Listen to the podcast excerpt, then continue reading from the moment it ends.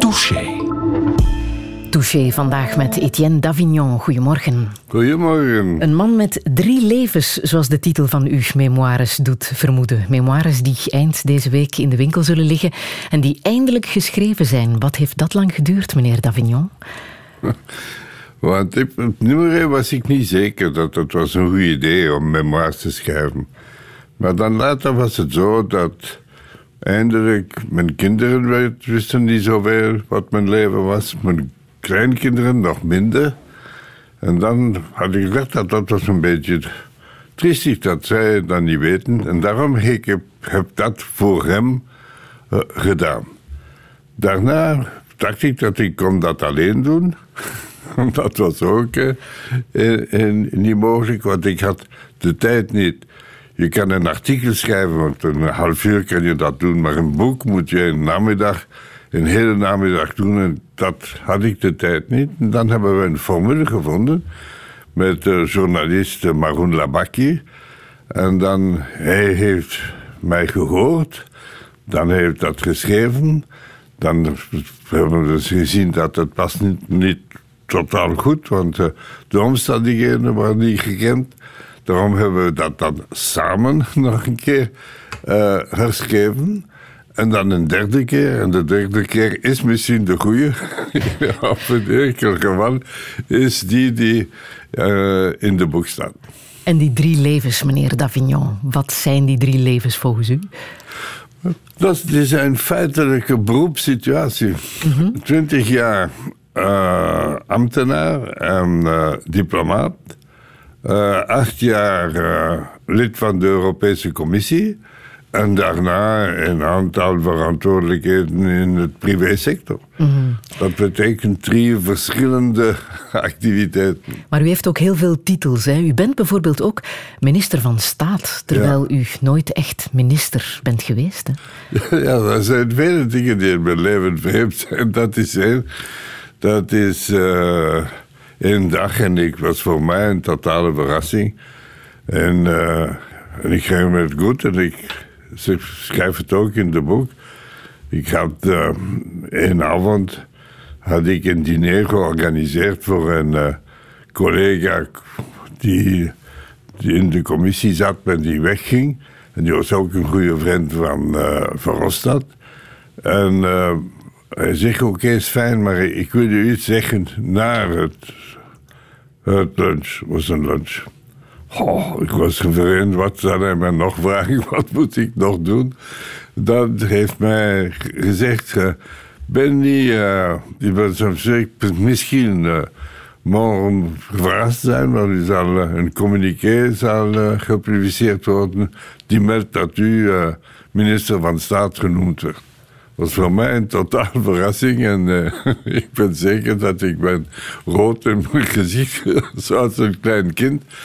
En dat was, ik denk, een beetje op basis van wat ik gedaan had uh, over mijn leven. Uh, voor luchtvaartmaatschappij, staal en nijverheid en zo.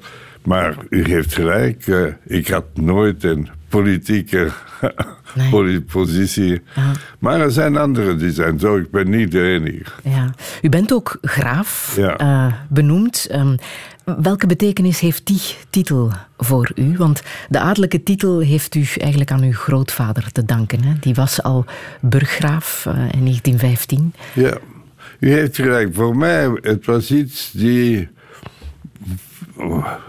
die mij niet zoveel treft of trof. Want als u gezegd heeft, mijn grootvader was uh, minister van Buitenlandse Zaken. Tijdens de Eerste Wereldoorlog uh, was dat En ja. dan wordt hij ziek in uh, 1913. En er was nog geen penicilline enzovoort. En hij is... Um, de koning dan heeft dat gedaan om hem te danken voor uh, zijn periode, van zijn ministeriële ja. periode. Maar voor mij speelt het geen rol. Het was zo. Bon, ik had daarmee niets te doen. het brengt niks. Daarom was ik. Uh. Het is zo, maar is het belangrijk? Ik denk van niet. Dat zijn allemaal titels. Ja. Hoe zou u zichzelf als, als mens omschrijven? Ik denk dat dat, dat werkelijk uh, hangt af van wat ik als klein kind in de familie geleerd heb. Er zijn drie verschillende dingen. In de familie was er een duidelijke beschouwing dat als je iets krijgt, moet je iets ook teruggeven. Uh, je kan niet alleen een privilege hebben en dat voor u te behouden, dan moet u ook aan de maatschappij iets teruggeven. Dat was nummer één. Nummer twee was uh, wat ik uh, gedurende de oorlog in Zwitserland geleerd heb.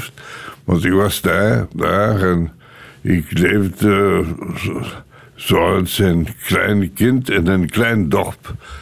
Dat was totaal equaliteit en zo. Dat dan heb ik geleerd, dat, dat is wat is belangrijk. Dat je bent een, persoon zoals een andere persoon. En dat er, in, dat er zijn geen veranderingen in je leven. Dat is. En ten derde heb ik geleerd uh, in mijn beroepsactiviteit dat je kan niet de dingen alleen doen. Je moet een team hebben, je moet vertrouwen hebben in de medewerkers. En die zijn de drie dingen die werkelijk zijn identiek in de drie delen van mijn levensactiviteit. Ik heb u zo net aangekondigd als misschien wel de machtigste man van ons land. Um, ik was een beetje verrast vanmorgen dat u hier uh, aankwam uh, in een klein autootje zonder chauffeur. Ja, u rijdt zelf nog met de wagen. Ja. Wat zegt dat over u? Zolang dat is niet voor de anderen gevaarlijk. maar wat zegt dat over u? Dat uh, nee, dat zegt dat ik heb uh, begrip en aandacht aan de positie van de anderen. Uh, waarom moet ik een chauffeur nemen als ik kan rustig... De verkeer is voor een dag vlot. Ik ken de weg. Waarom moet er iemand anders mij komen dienen, indien ik kan dat alleen doen? Uh, en dat past met wat ik zojuist gezegd heb. Uh, aandacht voor de personen. Um, en dat is voor mij heel, heel normaal. Ik moet niet daaraan denken, dat komt automatisch. Etienne Davignon, hartelijk welkom in uh, Touché. Radio 1. 1. Friedel Massage. Touché.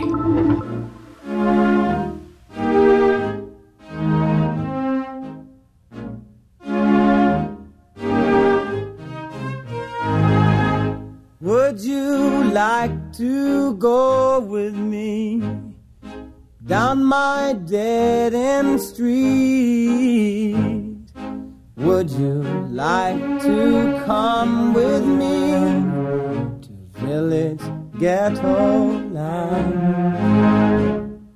See the people lock their doors while robbers laugh and steal. Beggars watch and eat their meals from garbage cans.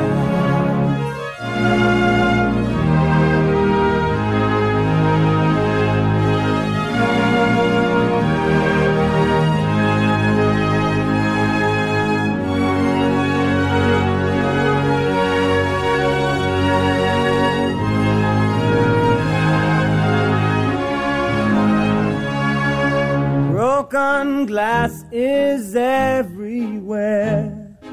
It's a bloody scene. Killing plagues the citizens unless they own police. Children play with rusted cars. Swords cover their hands.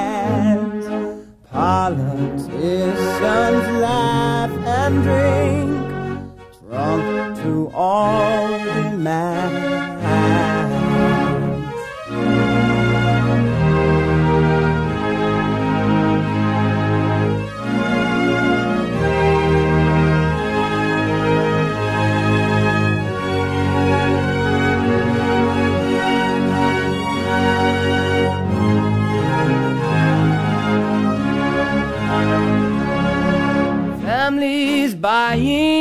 Dog food now. Starvation roams the street. Babies die before they're born, infected by the greed. Now, some folks say that we should be glad for what we have. Tell me, would you be happy? Village ghetto land.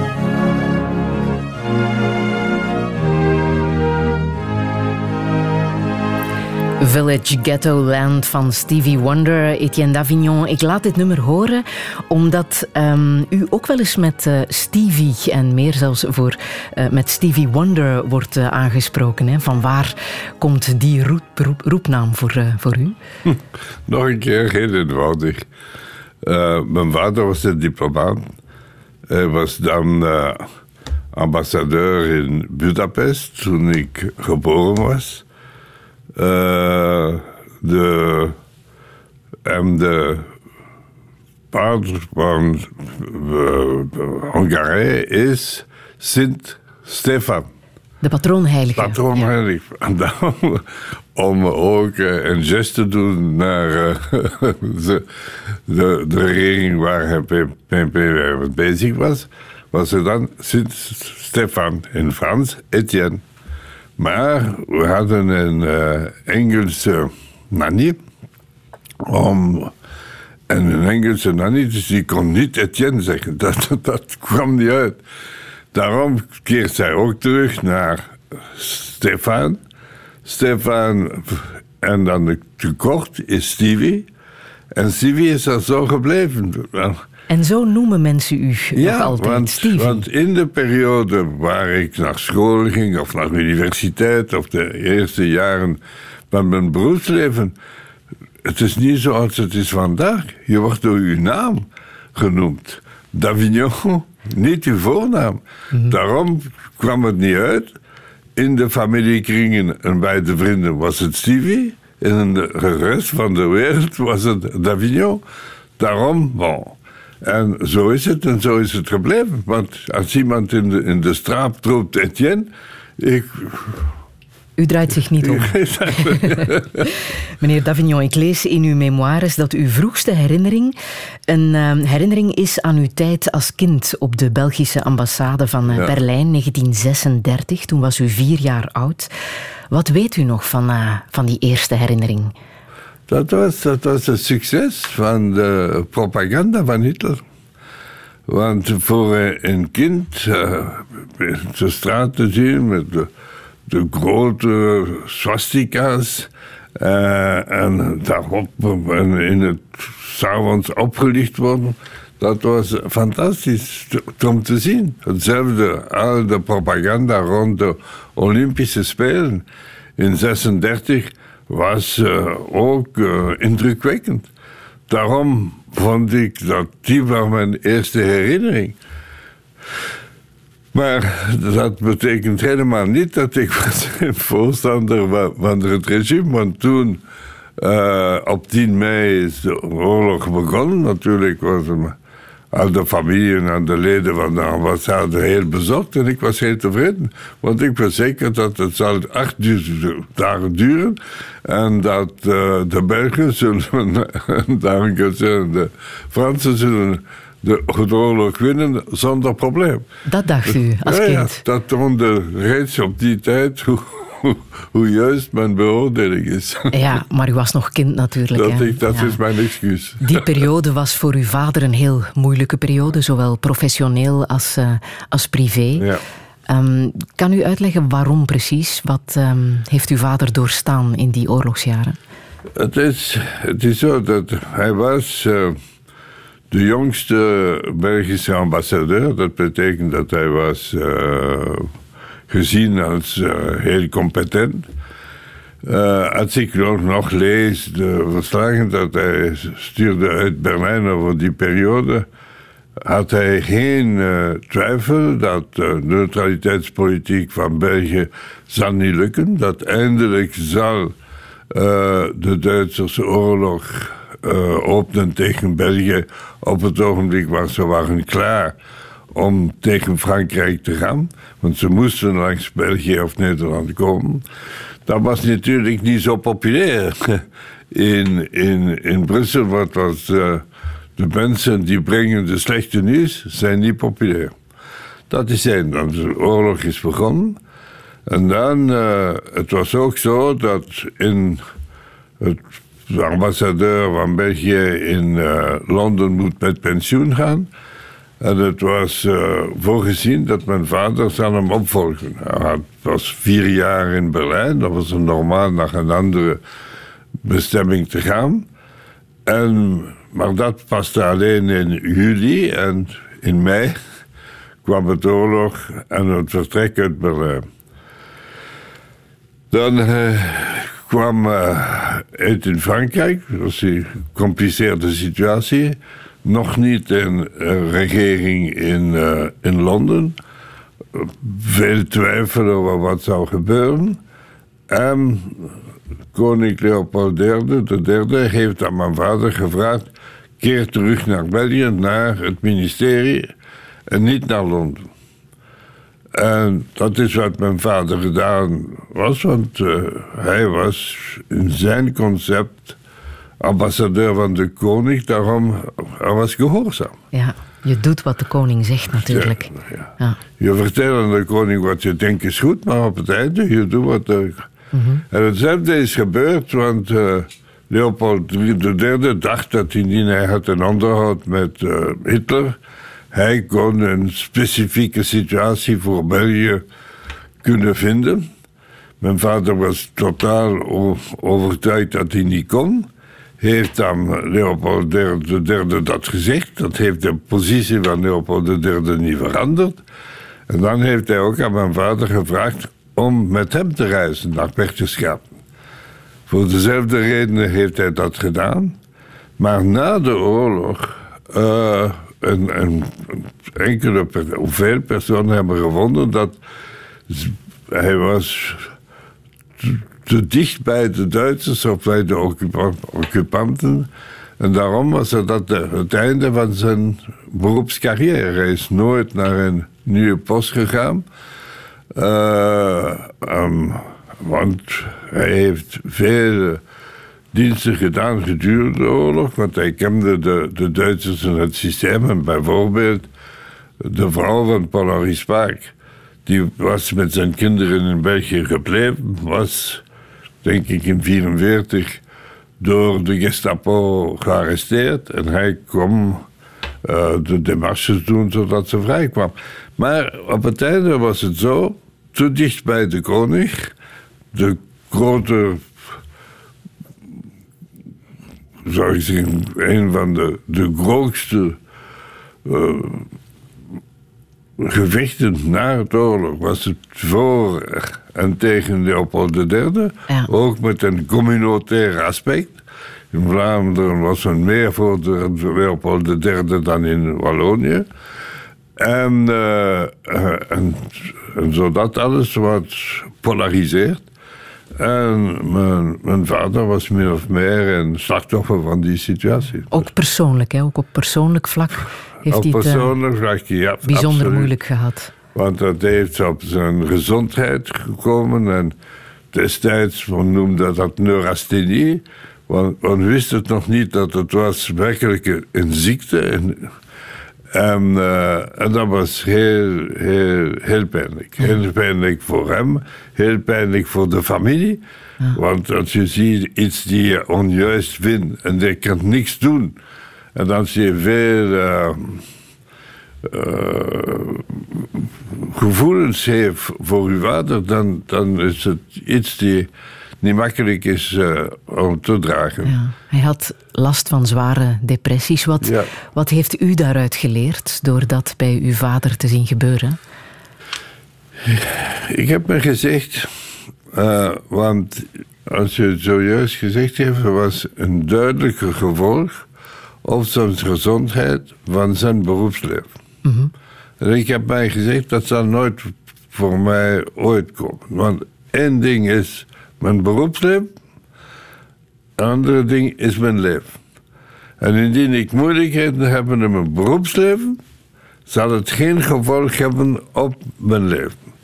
Zo altijd en uh, absoluut noodzakelijk een separatie tussen een en de andere. Ja.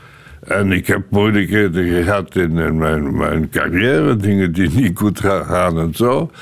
Het heeft nooit een indruk gehad over mijn uh, privéleven, mijn gezondheid, mijn betrekkingen met de anderen binnen de familie. Hij heeft een grote invloed op mij gehad. En wat voor iemand was uw moeder? Ah, mijn moeder was tot de tegenovergestelde. Dat was uh, enerzijds de. Ik heb hem nooit gehoord te klagen, want ze had niet zo'n goede gezondheid. Of iets werkelijk onvriendelijk te zeggen over iemand anders. Mm. En, en ze was vrolijk. Ze had een formidabele sense of humor. Ze zag altijd wat was komisch in misschien in een situatie die moeilijk was. En altijd optimist. Morgen zal het beter gaan.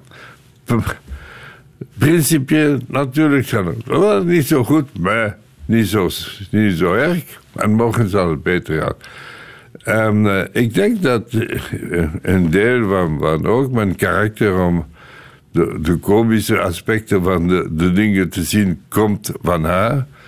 En, en, en het is altijd beter positief geneigd worden dan negatief, want je zal de, de, de, gebeurtenis niet veranderen, maar je zal de, de gebeurtenis bekijken. Beter met uh, een rooskleurige glas dan met een catastrofale gevoel. Ja, dat heeft u van uw moeder geleerd. Ja. Ik ga even in vogelvlucht door uw, uw jonge jaren. Hè. U heeft uh, tijdens de oorlog in uh, Zwitserland op internaat ja. uh, gezeten. Toen dacht u nog skileraar te worden. Dat is het helaas niet geworden na uw internaat in, in Zwitserland. Daarna heeft u op college gezeten bij de ja. Benedictijnen in Maretsoeg. En dan bent u gaan studeren. Hè? Rechten, ja. economie, Thomistische wijsbegeerte. Ja. In hoeverre hebben die studies u kunnen helpen in wat u later bent geworden?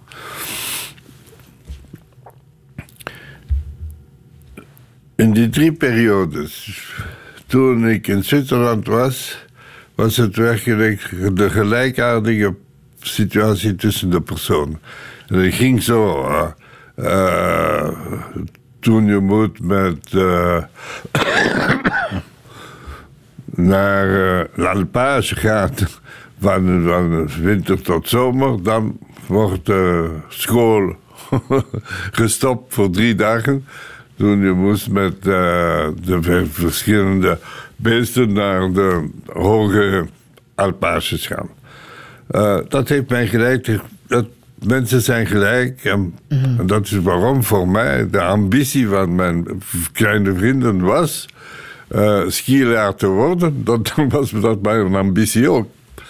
Ten tweede was bij de Benedictijnen mij te leren dat je moet de vragen stellen.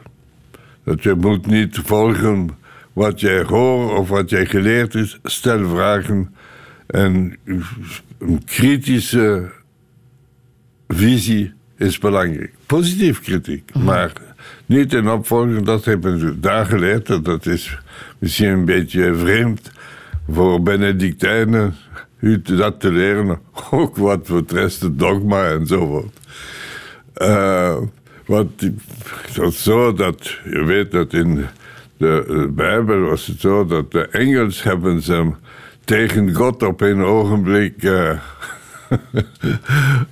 ruzie gemaakt. Dan ik heb altijd, hoe kan het dat paradijs, die is de perfectie, dat je kan toch iemand die niet met de perfectie, dat gaat niet met die dogma, om te tonen dat de, kritische gesprek was ook soms plezant. Dat heb ik daar geleerd.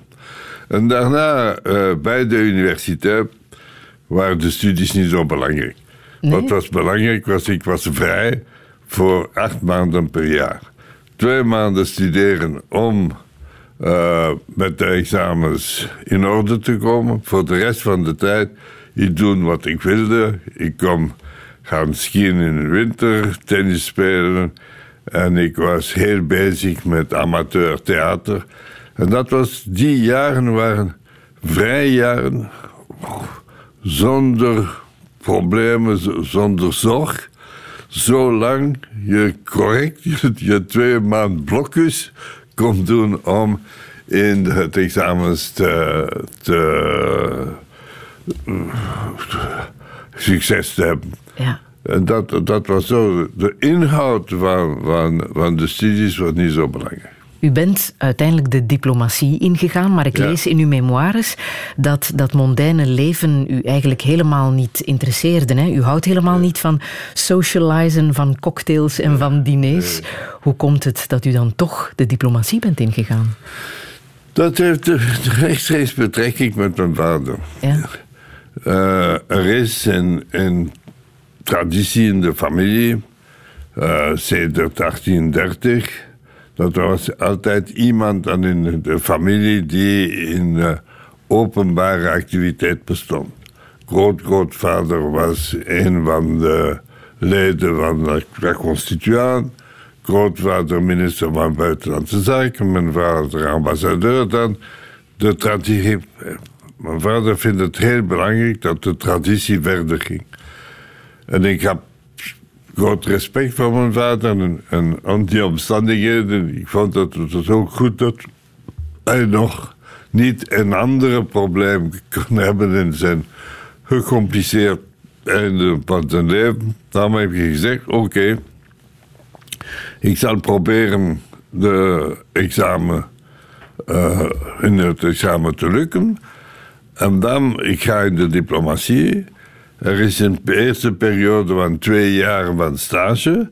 Als ik daarmee in vind, blijf ik. Als ik daarmee niet vind, vertrek ik. En een stage heeft hij altijd iets daar geleerd. En dan de omstandigheden hebben alles veranderd. Maar het was door respect voor mijn vader dat ik in die richting ging. Uh, zonder enthousiasme, maar dan is het uh, verder anders gelopen.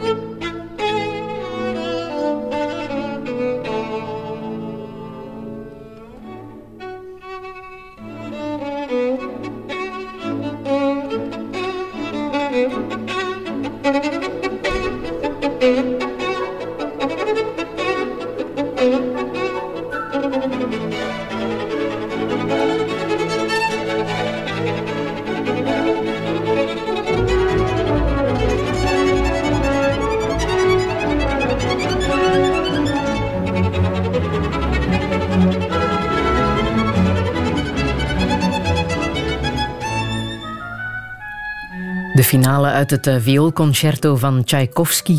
Een van de moeilijkste vioolconcerten ooit uh, geschreven. Etienne Davignon, u wou dit heel graag laten horen. Hè? Waarom precies?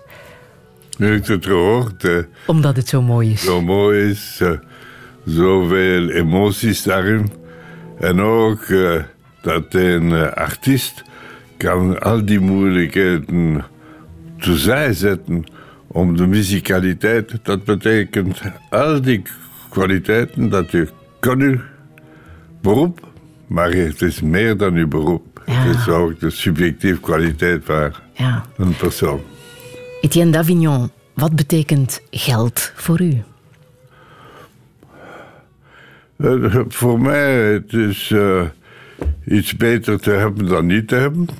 Want het is meer comfortabel comfortabel te leven dan oncomfortabel te leven.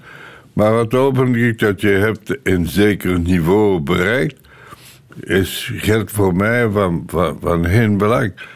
Uh, toen ik twintig jaar op buitenlandse zaken zat en niet in de buitenlandse posten ging, was het financieel een ramp.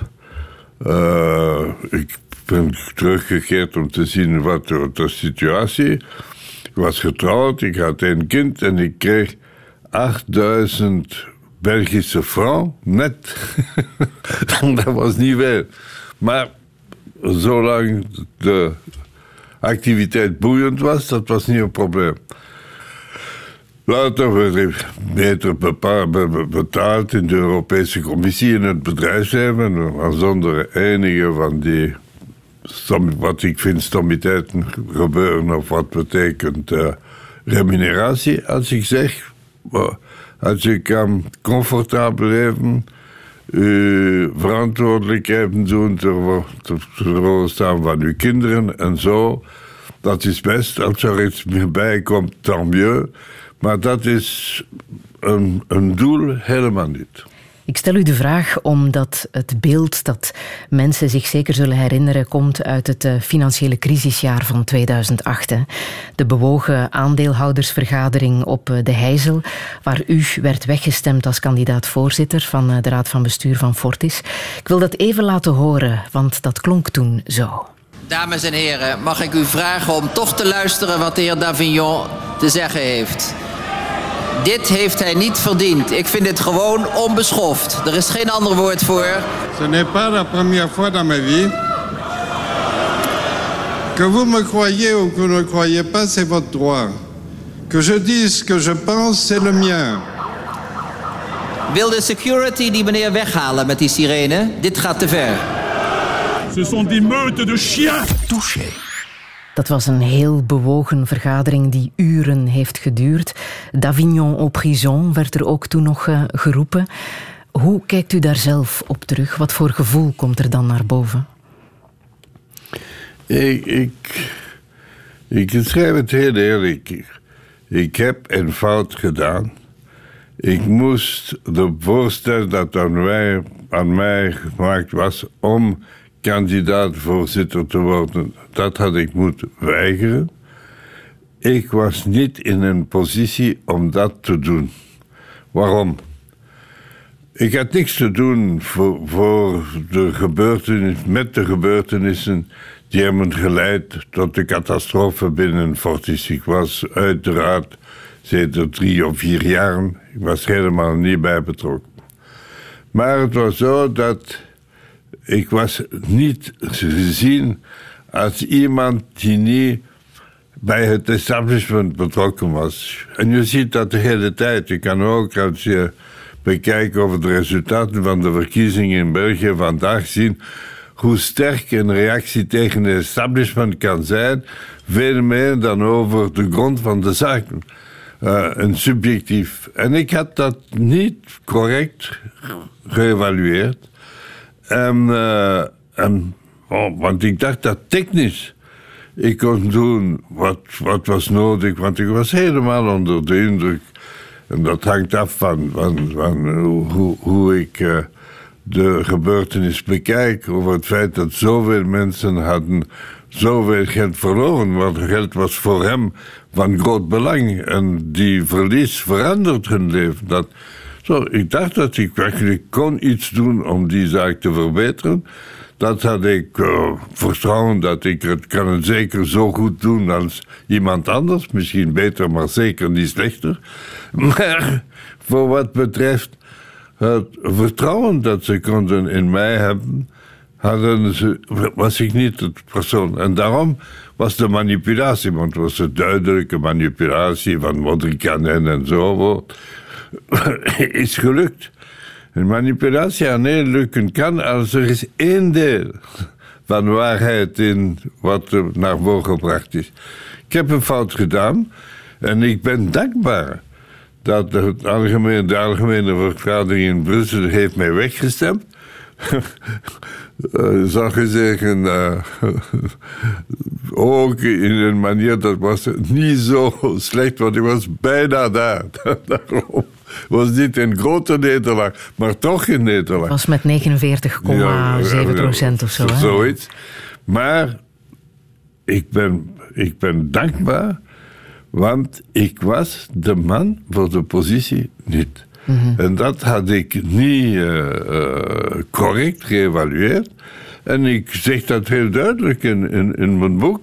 Ik heb een fout gedaan. Ik heb ook in andere omstandigheden ook fout gedaan. Maar dan kon jij de, de, de positie veranderen. Als je ziet, het gaat niet zo, boy, je kan aanpassen. Hier was het niet mogelijk aan te passen, was ja of nee. En ik ben dankbaar dat het was nee, want ik was op dat ogenblik overtuigd, en nu nog meer overtuigd dan op die periode, dat hij was niet de man voor, uh, voor, de, voor de positie. Bent u nog bevriend met Maurice Lippes? Absoluut. Ja? Ja, dat is iets ook dat ik geleerd heb. En dat ik zo belangrijk vind. Is dat een uh, verschil van mening betekent niet een verschil van de betrekking dat je moet hebben met iemand. Enfin, hangt af wat het verschil is. Of het verschil gaat over fundamentele zaken en waarden, dat is een andere zaak. Maar als het gaat over beroepsactiviteiten, ik denk dat het is beter naar links te gaan. De andere zegt, ik denk het is beter naar rechts te gaan. Bon, er is een meningverschil. Betekent dat dat je kan niet langer persoonlijke betrekking met de mensen hebben. En dat is heel belangrijk. Ik heb ook met andere personen moeilijkheden gehad, want we hadden een fundamenteel meningverschil met, uh, met Fred Chaffard, die was uh, voorzitter van de bank, met Philippe Botson en zo. En de kans dat ik heb gehad, als een beetje tijd voorbij is gegaan, heb ik kunnen met al die mensen persoonlijke betrekking en vriendelijke persoonlijke betrekking te behouden, want de meningverschil betekent niet een oordeel over, een negatief oordeel over de persoon. Er wordt over u wel eens gezegd dat u onze kroonjuwelen heeft uh, verkocht aan het ja. buitenland. Hè? En dan gaat het over de generale maatschappij, over NG Electrabel, over Brussels Airlines, over Fortis. Um, een beetje vreemd dat uh, dat inderdaad is gebeurd, want u bent ook een heel trouwe aanhanger van het Koningshuis, hè? een verdediger van ons land. Hoe verklaart u uh, dat? Ik heb u gezegd in het begin dat ik heb geleerd dat je kan niet de dingen alleen doen. Mm -hmm. Ik neem een voorbeeld van generale maatschappij met toen de Benedictie kwam. Ik heb aan um, de Belgische regering voorgesteld dat zij zouden nemen 20% van het kapitaal van de, van de generale maatschappij langs een bank die nog uh, eigendom van de staat was. Uh, het was de tijd waar uh, Jean-Luc Dehaan was bezig Martens 8 voor te bereiden. Niet ontevreden dat de media meer bezorgd was over de Benedetti-saga. En, ze hebben gezegd, nee, we kunnen dat niet doen. We zijn in regering in lopende zaken, we kunnen dat niet doen. Dat heeft een fundamentele invloed op wat zou laten gebeuren. Indien de staat had 20 procent. Dat betekent dat Suez nooit de algemene meerderheid van de generale maatschappij kon hebben. Dat is een feit. Zoals het gedaan is, is het gedaan. En je kan dat niet veranderen. Maar het heeft een fundamentele invloed gehad, want op één ogenblik was Suez zelfs in moeilijkheden. Op het ogenblik waar de generale maatschappij en de activiteiten dat we hadden nog ging het goed, konden wij een overname nemen over Suez. Maar zolang die 20% niet daar was, was het niet mogelijk. Daarom, ik klaag niet, maar ik geef uitleg waarom. Je kan maar doen waar je een marge heeft. Hetzelfde over, over Fortis toen het ging over de grote financiële crisis. Al de banken waren in moeilijkheden. En de staat is tot de conclusie gekomen dat ze kon één of twee banken redden, maar niet allen. En dat die die niet. Oh, dat was een keuze die gemaakt is. En daarom ben je de, de. Je moet daarmee leven. Dat was het beste voor ons land, al die keuzes. Misschien, we weten het ook niet. Dat is waarom ik altijd dat voorzichtig zeg. Mhm. Ik zeg, wat we hebben verloren is een alternatief. Hadden wij het alternatief tot een beter resultaat kunnen brengen? Misschien.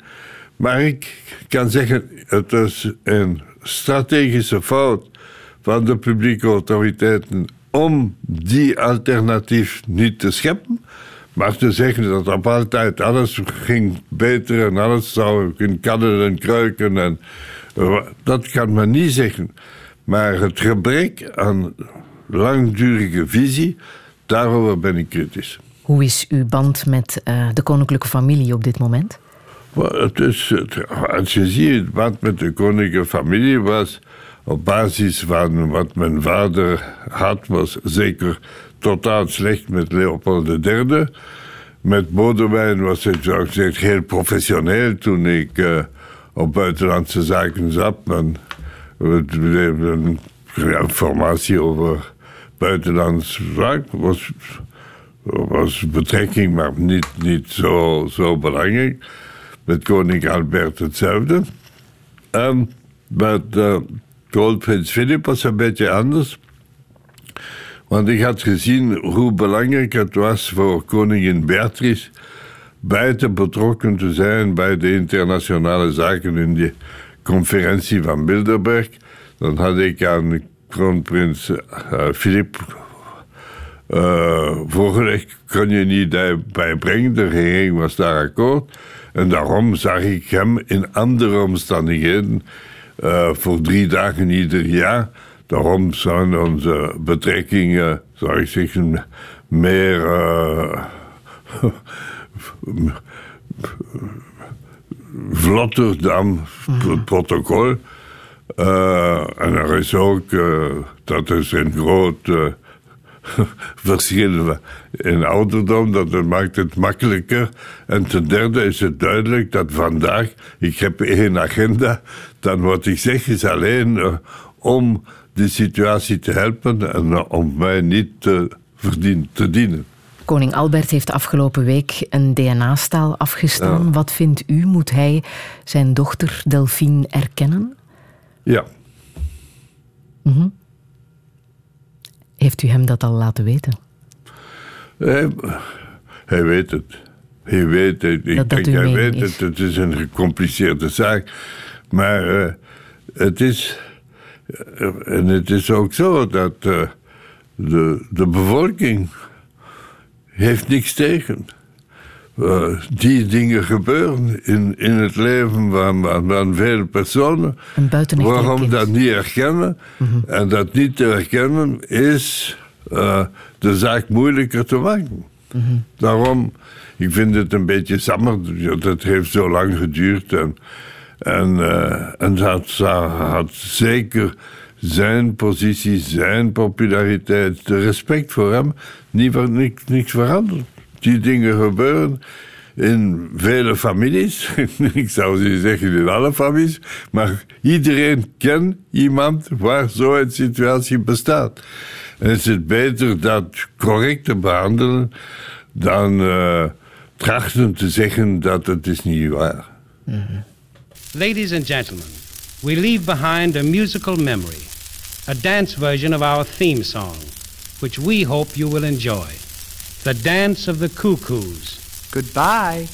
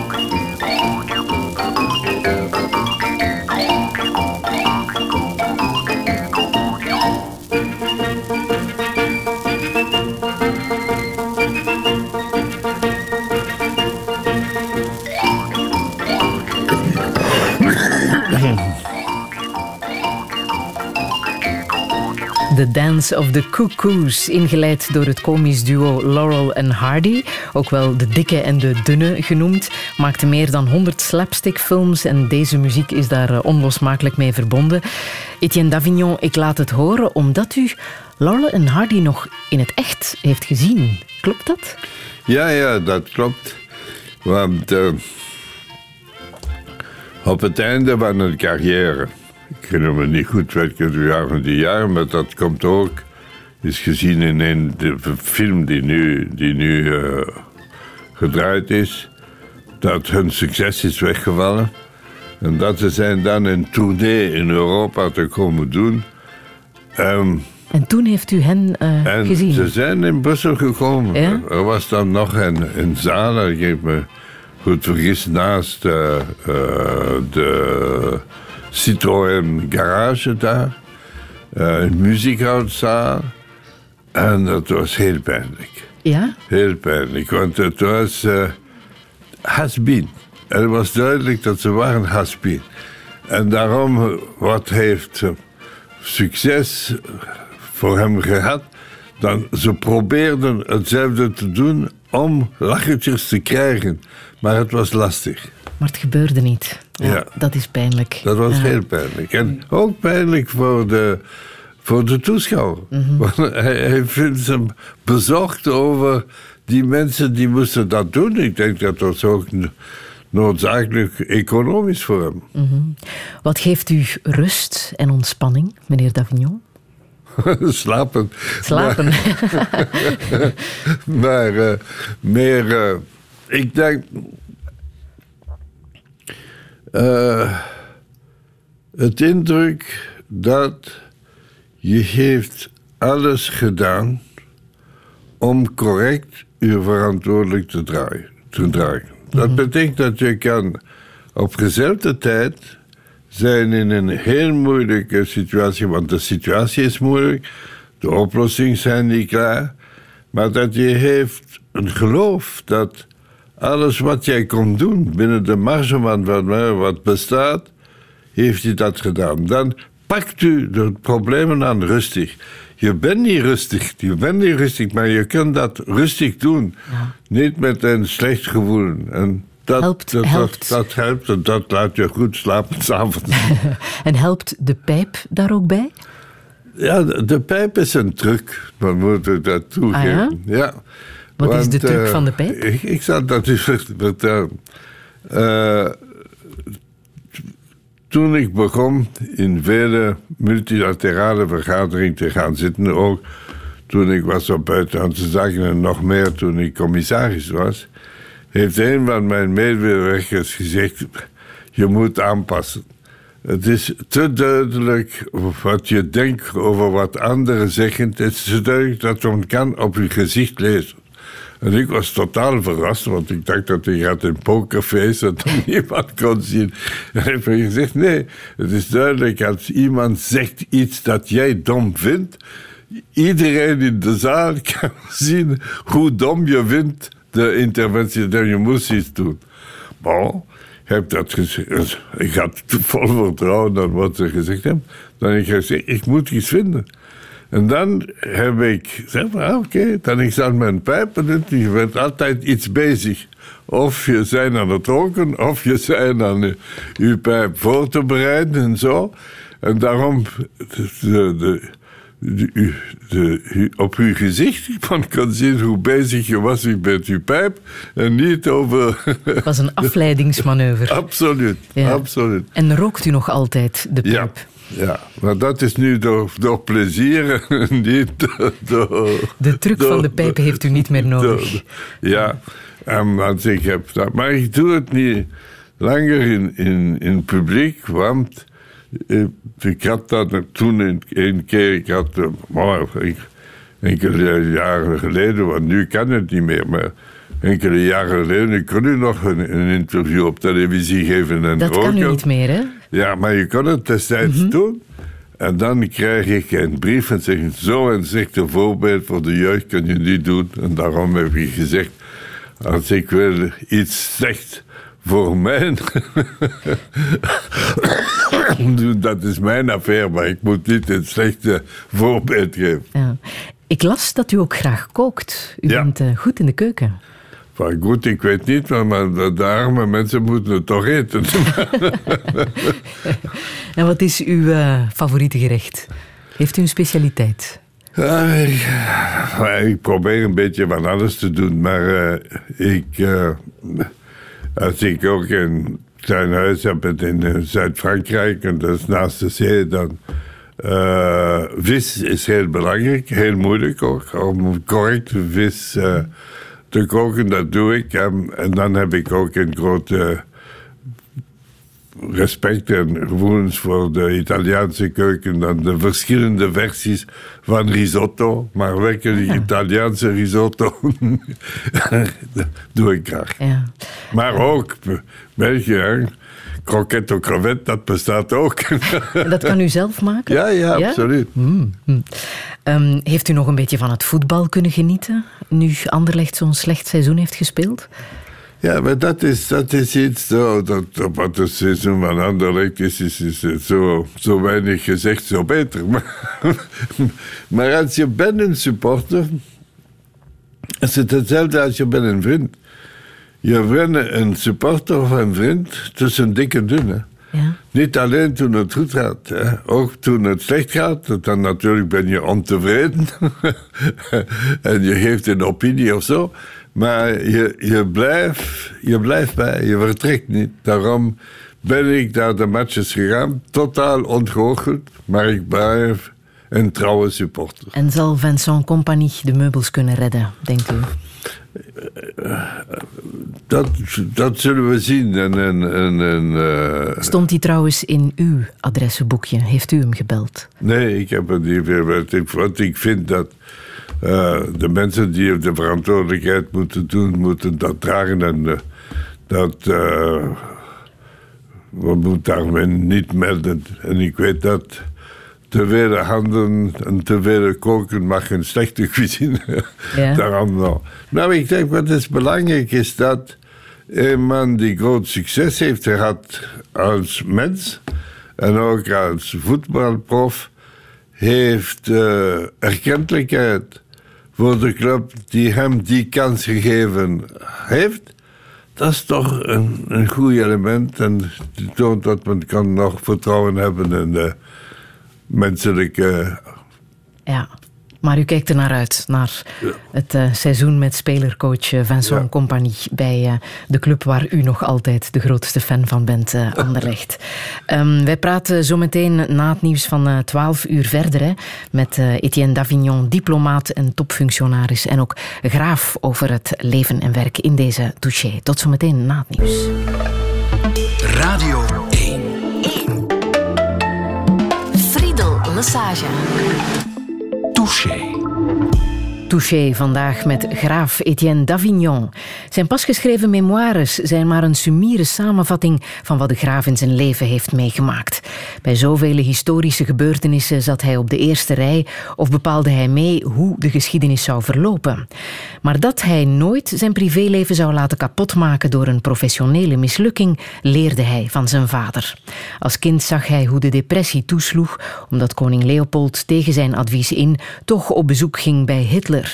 Zelf krijgt hij wel eens te horen dat hij onze kroonjuwelen, zoals Sabena en Fortis, aan het buitenland heeft verkocht.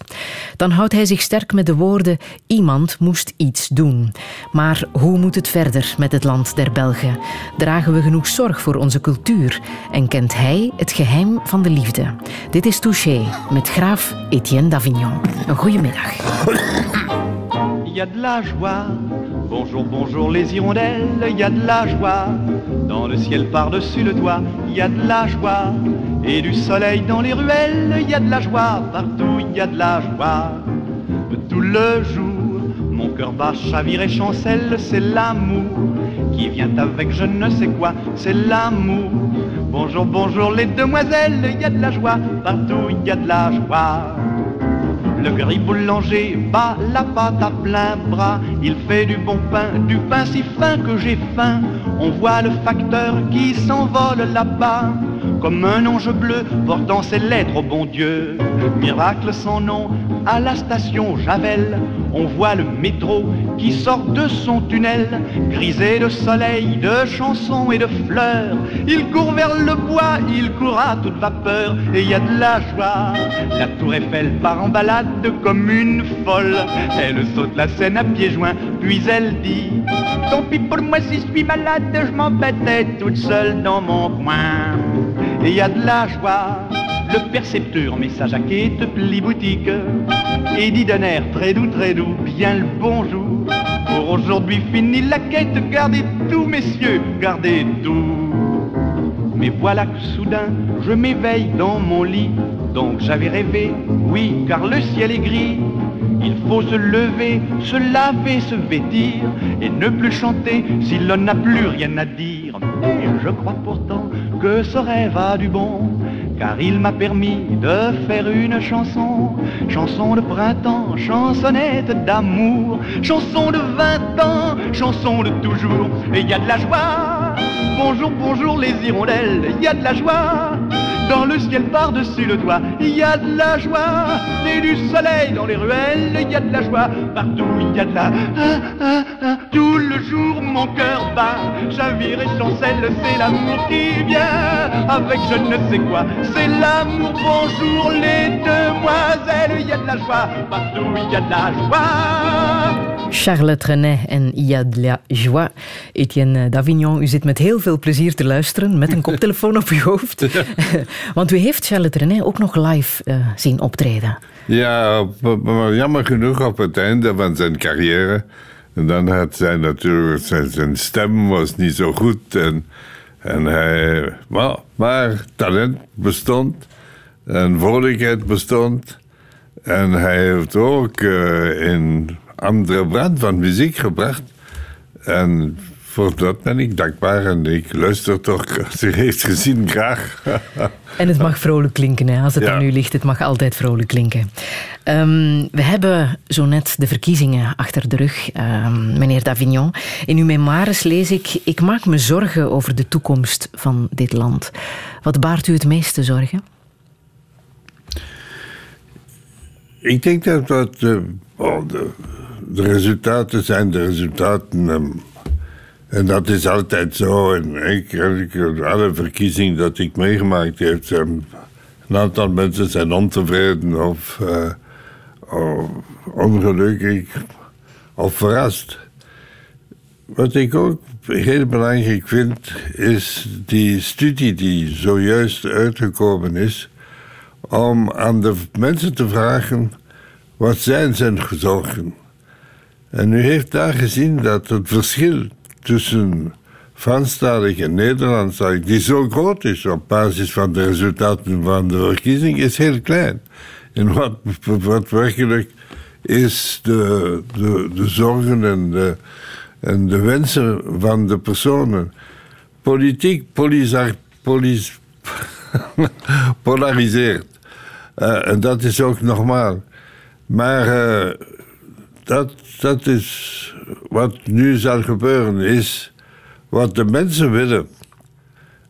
Zijn de politici in positie aan hem te geven wat, wat ze wensen.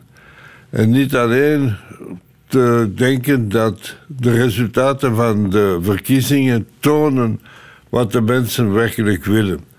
En dat is heel gevaarlijk, meer nog gevaarlijk dan de betrekking tussen de twee landen. Dat betekent dat de mensen hebben geen geloof meer in de personen dat zij toch gekozen hebben. Mm En dat is toch de basis van representatief democratie. Is dat je kiest voor iemand en dan je aanvaardt dat die persoon zal u correct uh, correct in, de, in het parlement, in de, in de regering, u representeren. Ja. En wat je ziet vandaag is dat ze kiezen. En op het ogenblik dat ze gekozen hebben, zijn ze ontevreden met de mensen die zij gekozen hebben. En dat is gevaarlijk voor het systeem. Was het vroeger dan anders? Want u heeft de grote politici van ons land uh, persoonlijk gekend. Paul-Henri Spaak, Jean-Luc Dehane, Wilfried Martens, Leo Tindemans. Bestaan ze nog, die, die staatsmannen van weleer? Ik denk dat de, de situatie was, was uh, eenvoudiger. Ja?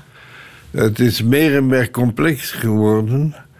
En de, de moeilijkheid om een visie te hebben is meer en meer moeilijk. Korte termijn, dat betekent ook in het privéleven, ook in de, is, is wat de meeste invloed heeft. Maar als je bekijkt welke de problemen zijn. De problemen zijn, er is geen enkel probleem die met een kort, tijdig oplossing uh, kan worden. En dat is wat maakt de hele situatie moeilijk. En ten tweede is het ook zo dat er was uh, toch bij een aantal politici een gevoel van vertrouwen. Ik geef uh, een voorbeeld om te tonen hoe, hoe, hoe de situatie veranderd is. Na de bevrijdingsoefening dat we hebben gedaan in 1990, 65 in Stanleyville om de uh, mensen die daar waren gegijzeld. Uh, oh. En het is gelukt, godzijdank. Dan was er een grote discussie op de Veiligheidsraad in New York. Um, Spaak heeft een formidabel speech gedaan om de positie te verdedigen heeft ook daarin gelukt. En dan is terug naar, naar België gekomen. En we zijn uh, s morgens in Zaventem geland. En daar waren misschien 1500, 2000 mensen die zijn gekomen om hem toe te zeggen. zoiets is ondenkbaar vandaag. De notie dat ze zijn trots van wie hem verdedigt en zo. We hebben dat verloren voor een aantal redenen. Dat is waarom alles zo moeilijk is. Zo populair. Ik zal het toch proberen te doen. Uh, en dat is, mijn, grote zorg over de, problemen. Want de problemen dat we hebben zijn moeilijk te, te bepalen op nationaal niveau. Zeg alleen dan op regionaal niveau. Een aantal zijn alleen oplosbaar op Europees niveau. En het gezond verstand dat men altijd noemt toen men over België spreekt, heeft veel van zijn invloed verloren. We moeten daar terugkeren. Wat heeft ons land dan nodig volgens u om uh, gezond de toekomst in te gaan? Welk advies aan onze politici uh, zou u willen meegeven? Ik denk dat het is absoluut noodzakelijk een methode te vinden om de regio's een gemeenschap te kunnen laten samenwerken over de problematiek die is identiek overal. Klimaat is identiek overal. Je kan dan niet een, een Brusselse oplossing of een Duitse gemeenschap oplossing komen. En wat, wat ik zie, is dat toen je over de inhoud van de problemen spreekt, vind je een vorm van consensus. Dat je zegt, om dat werkelijk uit te werken, heb je een instelling nodig. Je moet dan uh, gezamenlijk de verantwoordelijkheid dragen en dat aan iemand geven, zodat het kan dat effectief doen. En op dat ogenblik stopt alles. Maar men zegt, dat kan niet, want dat betekent dat dan institutioneel zijn we niet langer autonoom of onafhankelijk. Ze zijn akkoord over het feit dat ze kunnen niet alleen doen. Toen je komt op wat is de organisatie dat maakt dat nodig? Het is niet herfederalisering, je moet niet de grote woorden benoemen. Maar hoe doe je praktisch?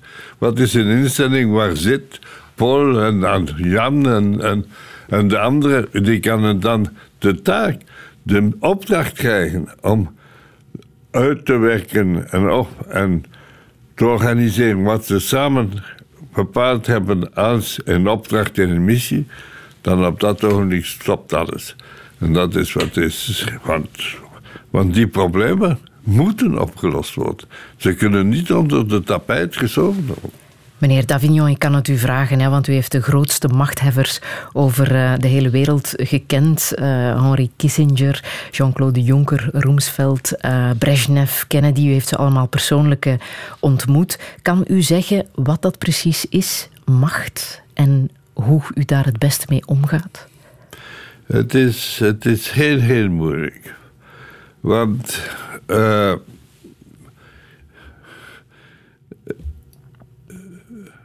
Er is macht bij een beenhouwer ook. Mm Het hangt af over wat is uw opdracht. Uh, en dan op dat basis je ziet hoe regionaal, technisch beperkt of niet beperkt is. En meer je gaat naar de, de, de grootste dimensie, de meest moeilijk het is om een definitie te geven. Want eindelijk, wat is macht? Is de capaciteit om beslissingen te nemen die gevolgd kunnen zijn. Dat is mijn definitie van macht. dat u heeft de legitimiteit om te leiden. Maar uh, dat betekent dat je ook de verantwoordelijkheid op te leiden. Je kan niet niet leiden. Dat is ook wat bestaat met verantwoordelijkheid. Eh, soms is het veel gemakkelijker. Nou ja, ik heb het verantwoordelijk, maar ik weet niet wat ik moet doen. En ik zal dat terzijde zetten. Dat je kan niet. Uh, daarom is macht de, de capaciteit, de legitieme capaciteit voor de verschillende beslissingen die genomen moeten worden om te doen wat noodzakelijk is maar er zijn dingen waar macht kan niks oplossen. Er uh, uh, bestaat moeilijke situaties. Ik geef een voorbeeld over de situatie in Israël en Palestijn. Zonder de steun van de Amerikanen zitten de Israëli's, Israël in moeilijkheid. Zonder de steun van de Europezen zitten de Palestijners in moeilijkheid. En je denkt dat, oh, ik kan het een dialoog tussen Verenigde Staten en Europa uh, een gezamenlijke positie vinden. En dan we zullen zeggen aan de mensen die van ons afhangen, dat dit is wat ze moeten doen. Maar zo gebeurt het niet in de werkelijkheid. Je invloed je moet, is theoretisch, is het praktisch. Je zegt aan de Palestijnen, als je dat niet doet, stoppen wij met hulp. Oh, ze weten dat je kan dat niet doen. Want dat betekent dat de scholen, de, de, de ziekenhuizen enzovoort, de, de bevolking zal de slachtoffer zijn van uw politieke beslissing. Dan doe je het niet. Dat is waarom het is zo moeilijk om een definitie te geven over macht. Je kan wel spreken over wat zijn de mogelijkheden van actie in de verschillende dossiers dat behandeld moeten worden.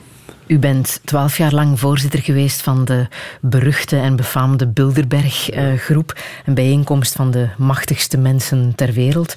In hoeverre regeert deze groep mensen de wereld? Kan u dat zeggen?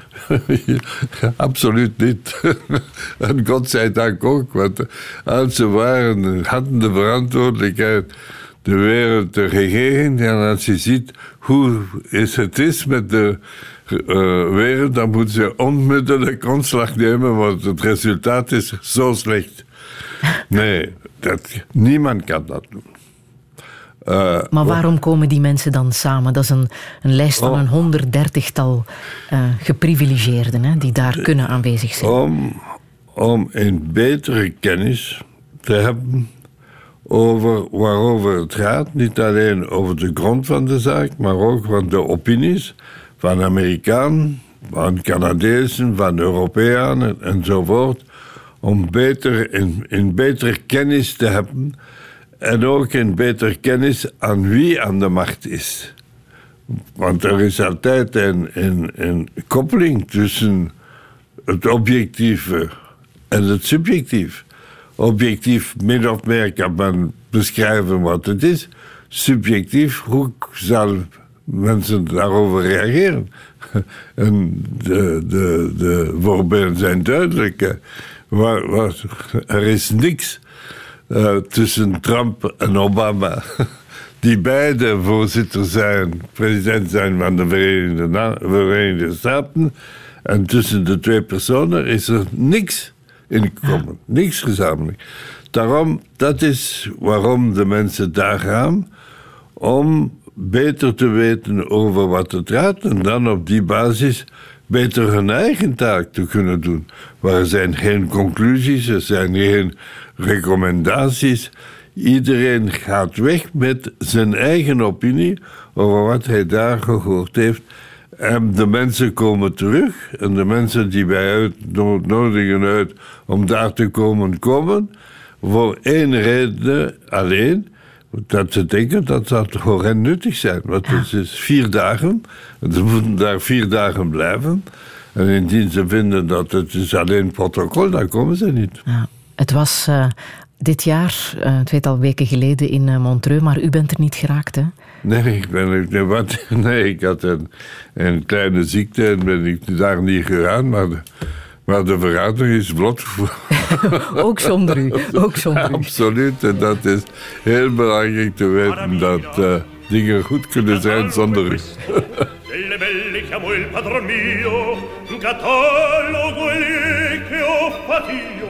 Osservate, leggete con me, osservate, leggete con me. In Italia 640, in Alemania 231, 100 in Francia, in Turchia 91, ma in Spagna, aria son già mille tre. Mille tre. Mille tre. Ma fra queste contadine cameriere cittadine al contesse baronesse marchesine principesse e madoni, doni grana doni forma doni età doni di forma doni età. In Italia 640 in Armania 231 100 in Francia in Turchia 91 ma ma ma in Ispania. Ma in Ispania son già mille tre. Mille tre mille tre tra questi contadini cameriere cittadine van contesse baronesse marchesine principesse e van donne d'ogni grado d'ogni forma d'ogni età ogni forma ogni età.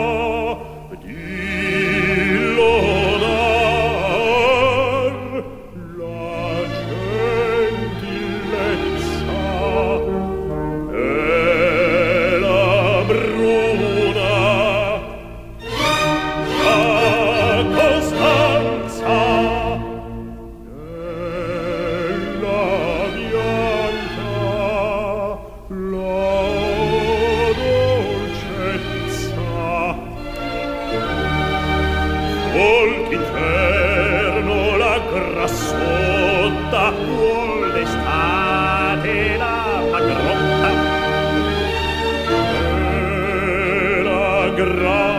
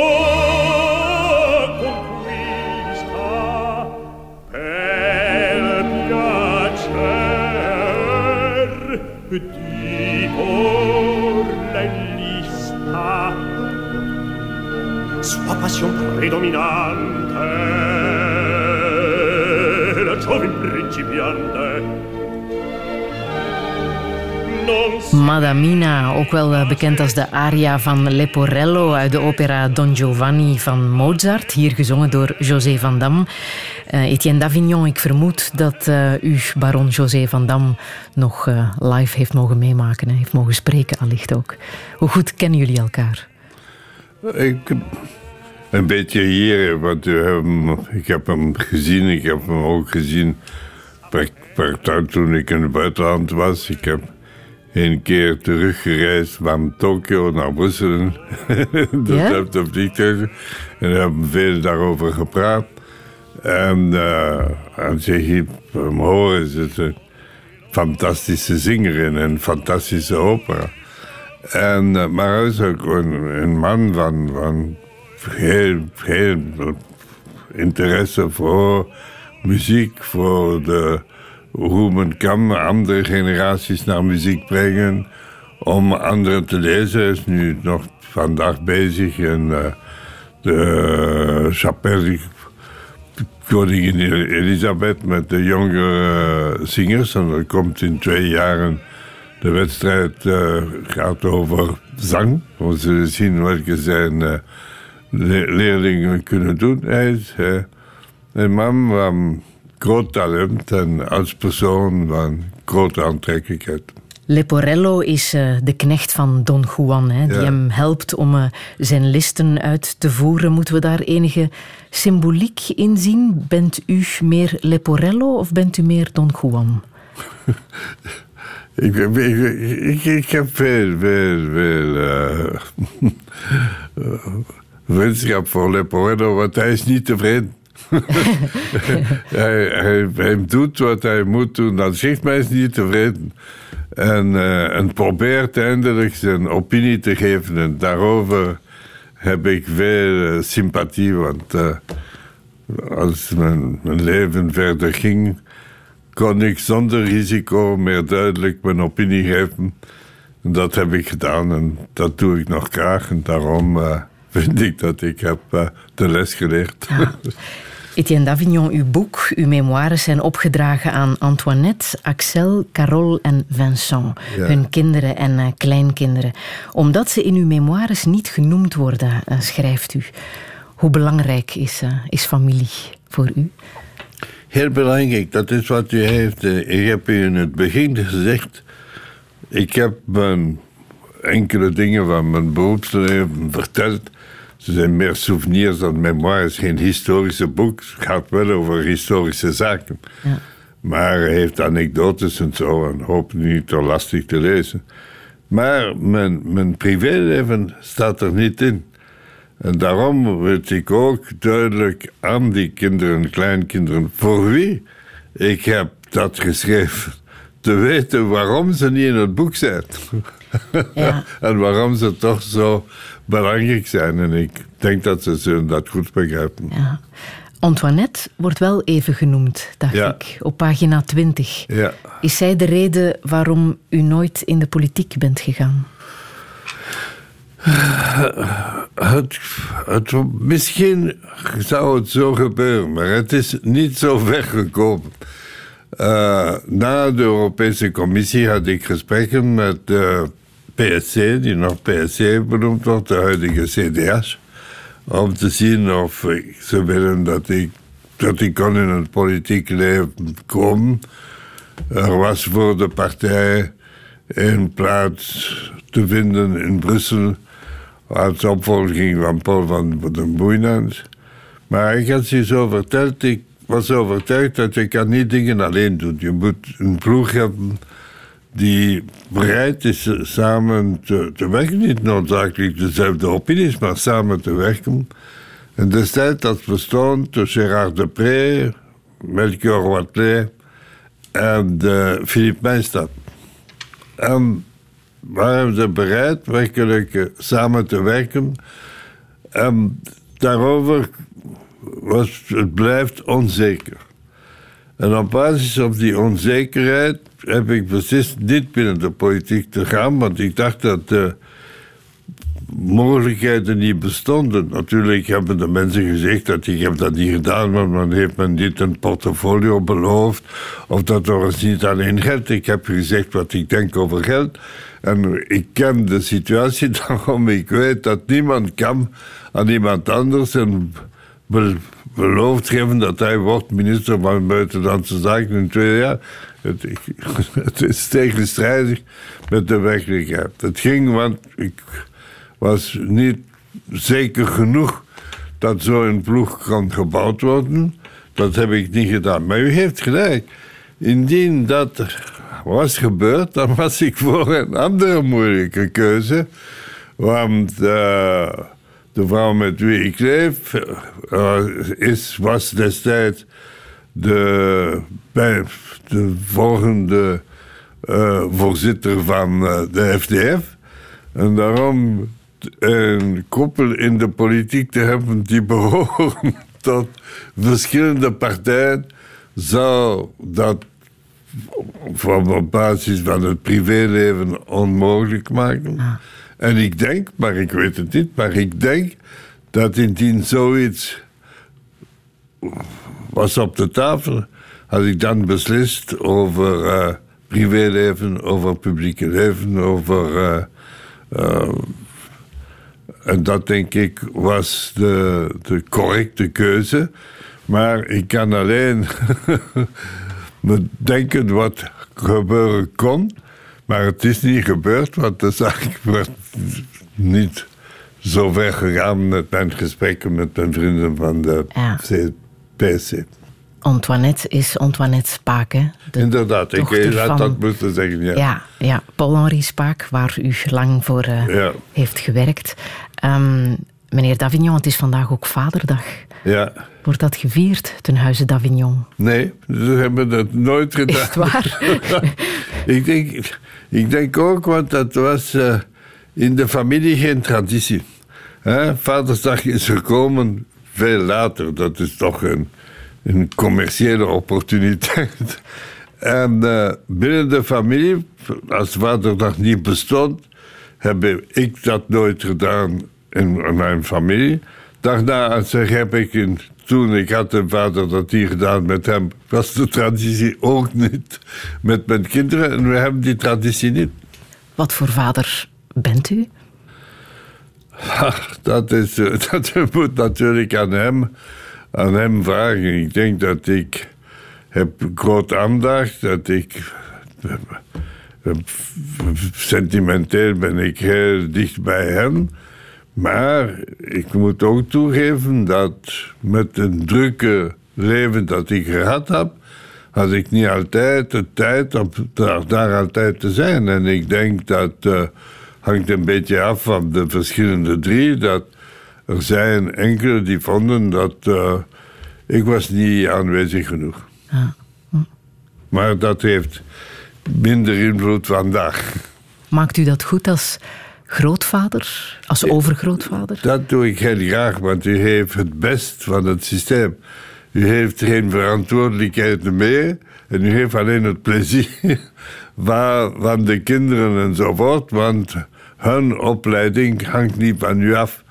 Daarom uh, doe ik, vind ik dat graag en ik ga proberen regelmatig een na de andere lunchen en een beetje horen hoe, ja? hoe dat... Ja, Gaat u eten met de kleinkinderen? Ja, absoluut. Ja, en welk advies geeft u hen dan? Want die, de meesten zijn aan het studeren, ik, vermoed ik. Hè? Ik ben overtuigd dat ik moet aan hun vragen antwoorden en een beetje uh, de, de tonen wat, wat gebeurd is en, en, en hoe het is en zo aan. Meer uh, beschrijven dan advies geven. Ik denk dat Niemand hoort graag een advies. Uh, met natuurlijk de uitzondering als ze een advies vragen. En ze hebben soms, toen het ging op het einde van hun studies, gevraagd: wat zijn de, de, de voordelen van dit versus dat. Dan kan je op basis van je eigen leven zeggen: dat is wat je gevonden hebt en niet. Maar het is heel ontspannen en ik ben heel blij, want een van mijn kleinkinderen heeft gezegd... en ik weet dat aan een van zijn vrienden... die ook uh, ik kende, heeft gezegd... He is cool. dat is vandaar natuurlijk zeker een compliment. Meneer Davignon, de liefde, wat is dat volgens u? Nou, ik denk dat het is uh, een van de essentiële elementen van de betrekkingen tuss tussen mensen. Uh, en ik denk dat als die kwaliteit, die dimensie niet bij bestaat, is de betrekkingen met een ander alleen uh, objectief, alleen, en dan zijn ze droog. een liefde, dat het komt in vriendschap, dat komt in zorg over de situatie van anderen. Je doet dat niet alleen om rationele redenen, je doet dat ook voor emotionele redenen. En als je begint emotioneel te zijn, liefde speelt een, heel belangrijke rol over alles wat is gebonden met de relaties, betrekkingen tussen personen. En wat ik geleerd heb, is zeker dat uh, personen meer belangrijk zijn dan gebeurtenissen. Mm en, uh, en, daarom speelt liefde een, heel, heel belangrijke rol. Het geeft de, de dimensie van de relatie. Het is niet alleen tussen baas en medewerker of het, het, gaat verder. Ja. Ik lees in uw memoires dat uh, vriendschap ook ontzettend belangrijk is. Hè? Uh, we weten van u dat u een ja. zeer uh, belangrijk adressenboekje heeft, dat u heel veel belangrijke mensen zo kan bellen. Maar wat is het verschil? Wanneer is iemand echt een vriend voor u, meer dan alleen maar een professionele connectie? Er zijn twee. twee.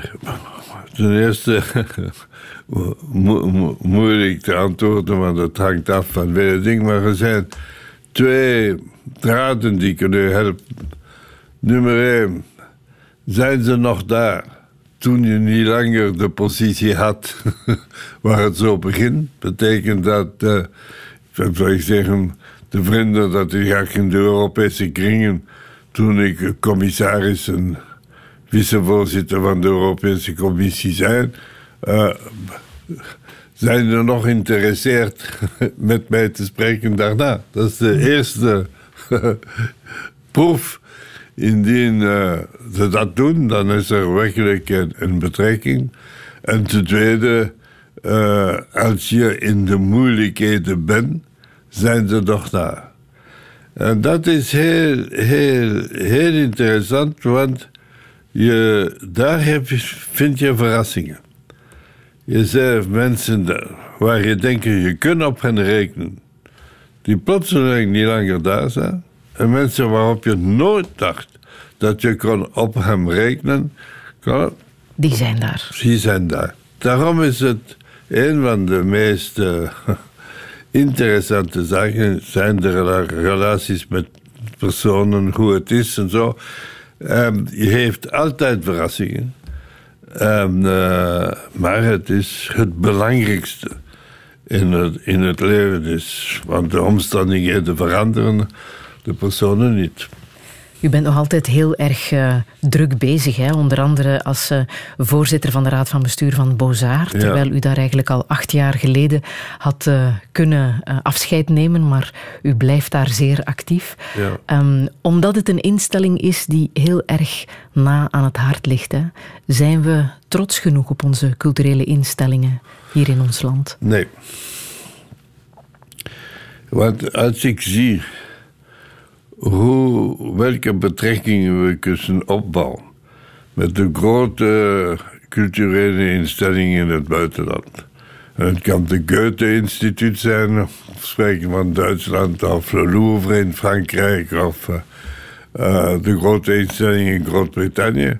Ze doen dat niet voor België, ze doen dat op basis dat hun gesprekspartner is iemand die ook aan hem iets brengt. En, uh, en we zijn heel te bescheiden daarover. En, uh, en het is ook moeilijk te begrijpen, want cultuur is niet langer een zaak voor geprivilegeerden. Je kan, als je het goed doet, alle categorieën van jongeren tot ouderen aantrekken bij cultuur. Maar en dat is waarom het is zo belangrijk. Uh, dat is waarom uh, uh, instellingen zijn belangrijk. Is waarom er moet veel meer samenwerking tussen de instellingen gebeuren. Maar we spraken enkele minuten geleden over de relaties tussen Franstalig en Nederlands. Op cultuurvlak is er geen probleem. Is er geen probleem. Uh, we hebben bij Beaux-Arts de, de Clara Festival. Die is zo belangrijk en werkt zo samen goed. goed. Als het gaat met iets anders, met de, de, de RTBF over de ja. Koningin Elisabeth-wedstrijd. Cultuur laat mensen samenwerken in het best mogelijke manier. En dat was voor mij een heel plezante verrassing, want ik was bezocht dat het zou meer politiek zijn. Uh, hoeveel uh, vioolorkesten hebt je uit Nederland versus uit, uit, uit Leuk? Speelt geen rol. Als het maar goed klinkt. Mm. Dat is nodig. Somewhere there's music, how faint the tune. Somewhere there's heaven, how high the moon. There is no moon above when love is far away too. Till it comes true that you love me as I love you. Somewhere there's music, it's where you are. Somewhere there's heaven, how near, how far. The darkest night would shine if you would come to me soon. Until you will, I'll still my heart, how high the moon. High the moon is the this song. How high the moon, though the words may be wrong, we're singing it because you asked for it. So we're swinging it just for you. How high the moon, does it touch the stars? How high the moon, does it reach up to Mars? Though the words may be wrong to this song, we're asking how high, high, high, high, high is the moon.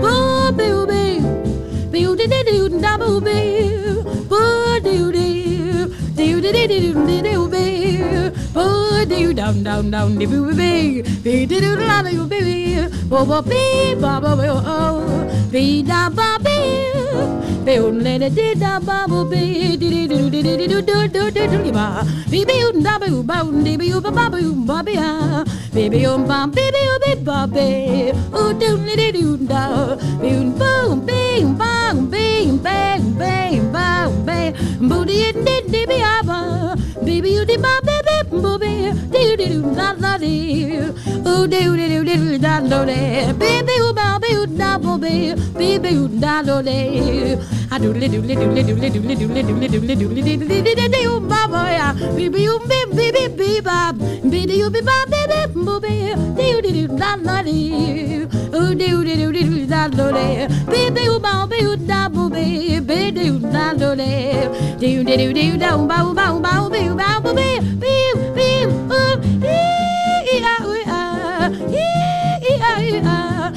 boo da boo do do do ya ba boo ba ba de de ba be de de de de de de be de de boy I do you do do do do do do do ba ba ba be de be de de do ya ba be bo be ba ba ba ba be be be de de ga ba do de da ba ba ba ba ya ba ba ba ba be be happy ba though the words may be wrong to this song we hope you like high high high high high De fantastische Ella Fitzgerald met How High the Moon. Etienne Davignon, komt hier de jazzliefhebber in u naar boven? Absoluut, want dat is natuurlijk die, die periode, die jaren 50 en 60. De grote orkesten, Duke Ellington, Count Basie en eh, Ella Fitzgerald en de grote zangeressen. Dat was eh, voor eh, een jonge man fantastisch. Je hebt ook uh, Ella Fitzgerald gehoord. Er was destijds wat ze ze zeggen, eh, jazz at de Philharmonic. Ze kwamen en, en dat was fantastisch. Maar men kunnen ze zich permitteren. Nu een groot orkest is te duur. Hè? Zong en danste u toen ook eh, mee? Ik probeerde dat wel. Ja. Eh, meneer Davignon, u bent eh, 86 ondertussen hè? Ja. en nog altijd heel erg druk bezig. Wat Ja. zou u echt nog willen in het leven? Als de tijd, de tijd gaat voorbij, je, je moet zich aanpassen. En indien u aandacht daaraan geeft, kan u dat doen heel, heel makkelijk. Want het gaat van doen, dragende verantwoordelijkheid zelfs aan gevende verantwoordelijkheid aan uw opvolgers. En uw opvolgers helpen om het beter te doen dan wat jij gedaan heeft. En dat doe ik graag. En als ik dat doe, je heeft dan de, hoe het werkt. Zolang je ziet dat je nuttig bent, kan je blijven. Zolang je ziet dat je niet nuttig bent, dan krijg, je uw vrijheid terug. Want u heeft ook de verantwoordelijkheid genomen op een andere in uw positie. En daarom u moet zien dat hij lukt. Ik behoor niet tot de categorie van mensen die zeggen: ik, ik ben weg en het gaat slecht. Je ziet hoe belangrijk ik was. Ik ben van de categorie: ik ben weg en het gaat beter. Dat is. En daarom, zolang je denkt dat je nog nuttig kan zijn, en dat is wat de anderen beslissen, not wat jij beslist, dan is het kan is het moeilijk weg te gaan. Maar, godzijdank, als tijd gaat voorbij, is het nuttig dat je minder nuttig bent. Daarom is wat ik nu vandaag doe, in vergelijking met wat het deed eh, drie of vier jaar geleden, gaat naar beneden. Dat is zo goed. Moet. Wat doet u om gezond te blijven? Niks. Dat gaat het beste? Ik weet niet, maar zolang het, voor, zolang het werkt, enfin, niks. Enfin, ik, heb, ik heb een goede gezondheid, ik, heb, ik, ik slaap goed, maar ik, maar, ik, maar ik rook een pijp, dat is ook niet correct. Eh, ik, eh, ik ga geen eh, fiets rijden. ik eet wat ik wil, niet wat het best gepast is. En zolang het werkt, zo, zo, zo, zo- zolang het werkt, blijf ik hetzelfde doen. Maar bent u bang voor de dood? Nee. Nee, enfin, ik, ik ben natuurlijk zoals iedereen niet tevreden daarmee.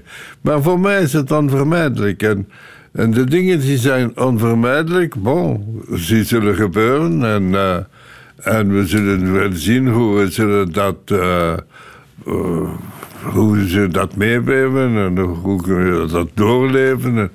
En, hoe kunnen we, niemand weet hoe men, als het moment, ogenblik komt, hoe zal men rea- reageren. Maar het is geen obsessie voor mij. Het, het zal gebeuren. En natuurlijk eh, heb ik de privilege gehad dat het is gebeurd na mijn 86. Dat betekent, dat is beter dan na mijn eerst mijn 18. Hoe zou u herinnerd willen worden? Ik heb de- als, als iemand die nuttig was. Nuttig. Nuttig. Dat heeft geprobeerd en hier en daar is de situatie misschien een beetje beter na zijn eh, ervaring en zijn activiteit. Dat is het. Het is, het is eh, heeft men kan vooruitgang gepromoveerd. Kan het zijn in het algemeen, zoals de eenmaking van Europa, of meer specifiek in, eh, in een andere activiteit. Dat is, dat is het. eh, men heeft het nooit gelukt, maar is het een beetje beter of en was men een beetje nuttig, dan, dan zou ik tevreden zijn. Welke boodschap wilt u hier nog meegeven? Geen. De enige ding is dat, vergeet nooit, als je niet probeert, niet, niks zal gebeuren. Ik ben werkelijk beu met de mensen die zeggen het is te moeilijk, het is onbon. Maar niemand weet dat, zolang hij niet probeert heeft. Eh, en dan komen de mislukkingen mee, dat is ook een, gevolg van het leven. Maar als men over iets overtuigd is en een idee heeft, het niet proberen is onaanvaardbaar. En u heeft op zijn minst geprobeerd, hè? Dat, eh, ja, ik heb wel geprobeerd. Daarover, eh, dat, dat, dat, Daarover dat zijn we is, dat is de werkelijkheid. Ja. Ik wil nog graag eh, muziek laten horen van de Franse componist Maurice Ravel. eh Pavane pour une enf- enfant défunte. Waarom precies dit pianostuk? Want het gaat goed met wat ik wilde tonen. Dat het gaat van Ja de la joie van Trenet tot How High is the Moon. Mozart en ook nostalgie. Ja? En Ravel is nostalgie. Heel moeilijk muziek. Niet droevig, maar nostalgiek. En nostalgia en utopia behoren ook tot het leven.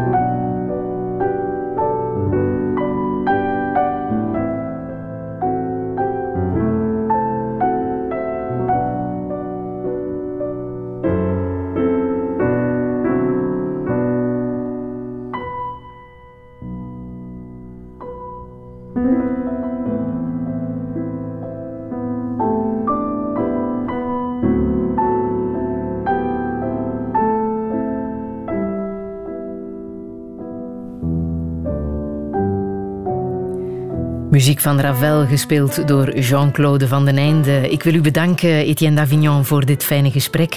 Alle info staat zo meteen na te lezen op onze website radio1.be. En onze muziek kan u vinden op onze Spotify-lijst. Volgende week uh, verwacht ik hier endocrinoloog en auteur van het transgenderboek, Guy Tune. Ik wens u nog een heel fijne zondag. Touché.